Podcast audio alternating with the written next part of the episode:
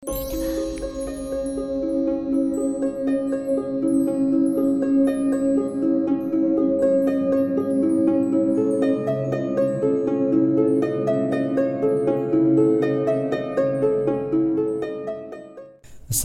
warahmatullahi wabarakatuh.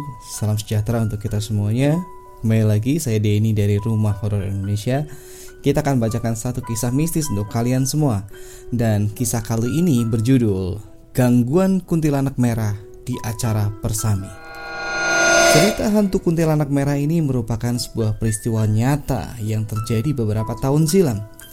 Kisah misteri yang satu ini dialami oleh rombongan pramuka yang tengah melakukan kegiatan persami di sebuah bumi perkemahan, sebut saja Miniwana namanya. Miniwana merupakan salah satu bumi perkemahan yang terkenal di daerah Jawa Tengah yang kerap menjadi tempat para praja muda melakukan kegiatan kepramukaan, khususnya perkemahan.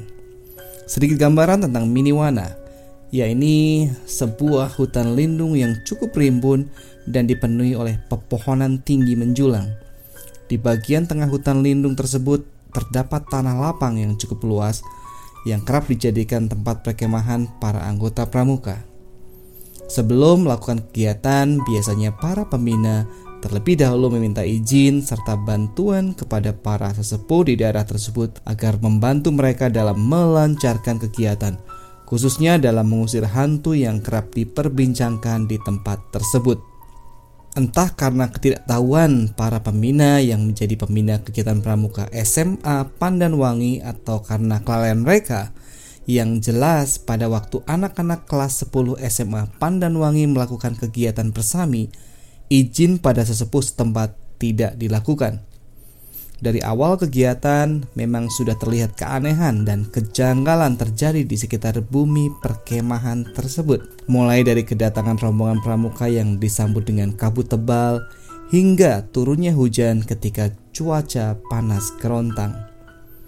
Namun demikian, rupanya pertanda alam tidak banyak dimengerti oleh para rombongan maupun pembina pramuka SMA Pandanwangi kegiatan tetap dilakukan sebagaimana rencana yang telah dijadwalkan.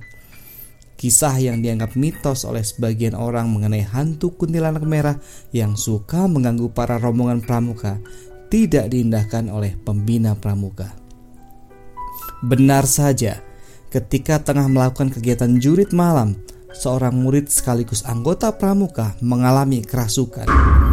Setelah siuman, siswa tersebut mengaku bahwa ia didatangi oleh seorang wanita berambut panjang dan bermuka seram serta mengenakan pakaian berwarna merah. Serta para pembina kepikiran tentang hantu kuntilanak yang kerap diceritakan masyarakat setempat yang tadinya mereka anggap sebagai mitos dan hoax semata. Salah satu pembina mengusulkan untuk mencari bantuan kepada para tetua setempat atau sesepuh di wilayah bumi perkemahan Miniwana untuk membantu mereka agar hantu kuntilanak tidak lagi berulah dan mengganggu kegiatan mereka. Namun, Dewan Ketua Pembina menganggap bahwa usulan tersebut merupakan usulan kosong yang tidak perlu dilakukan dan dipikirkan.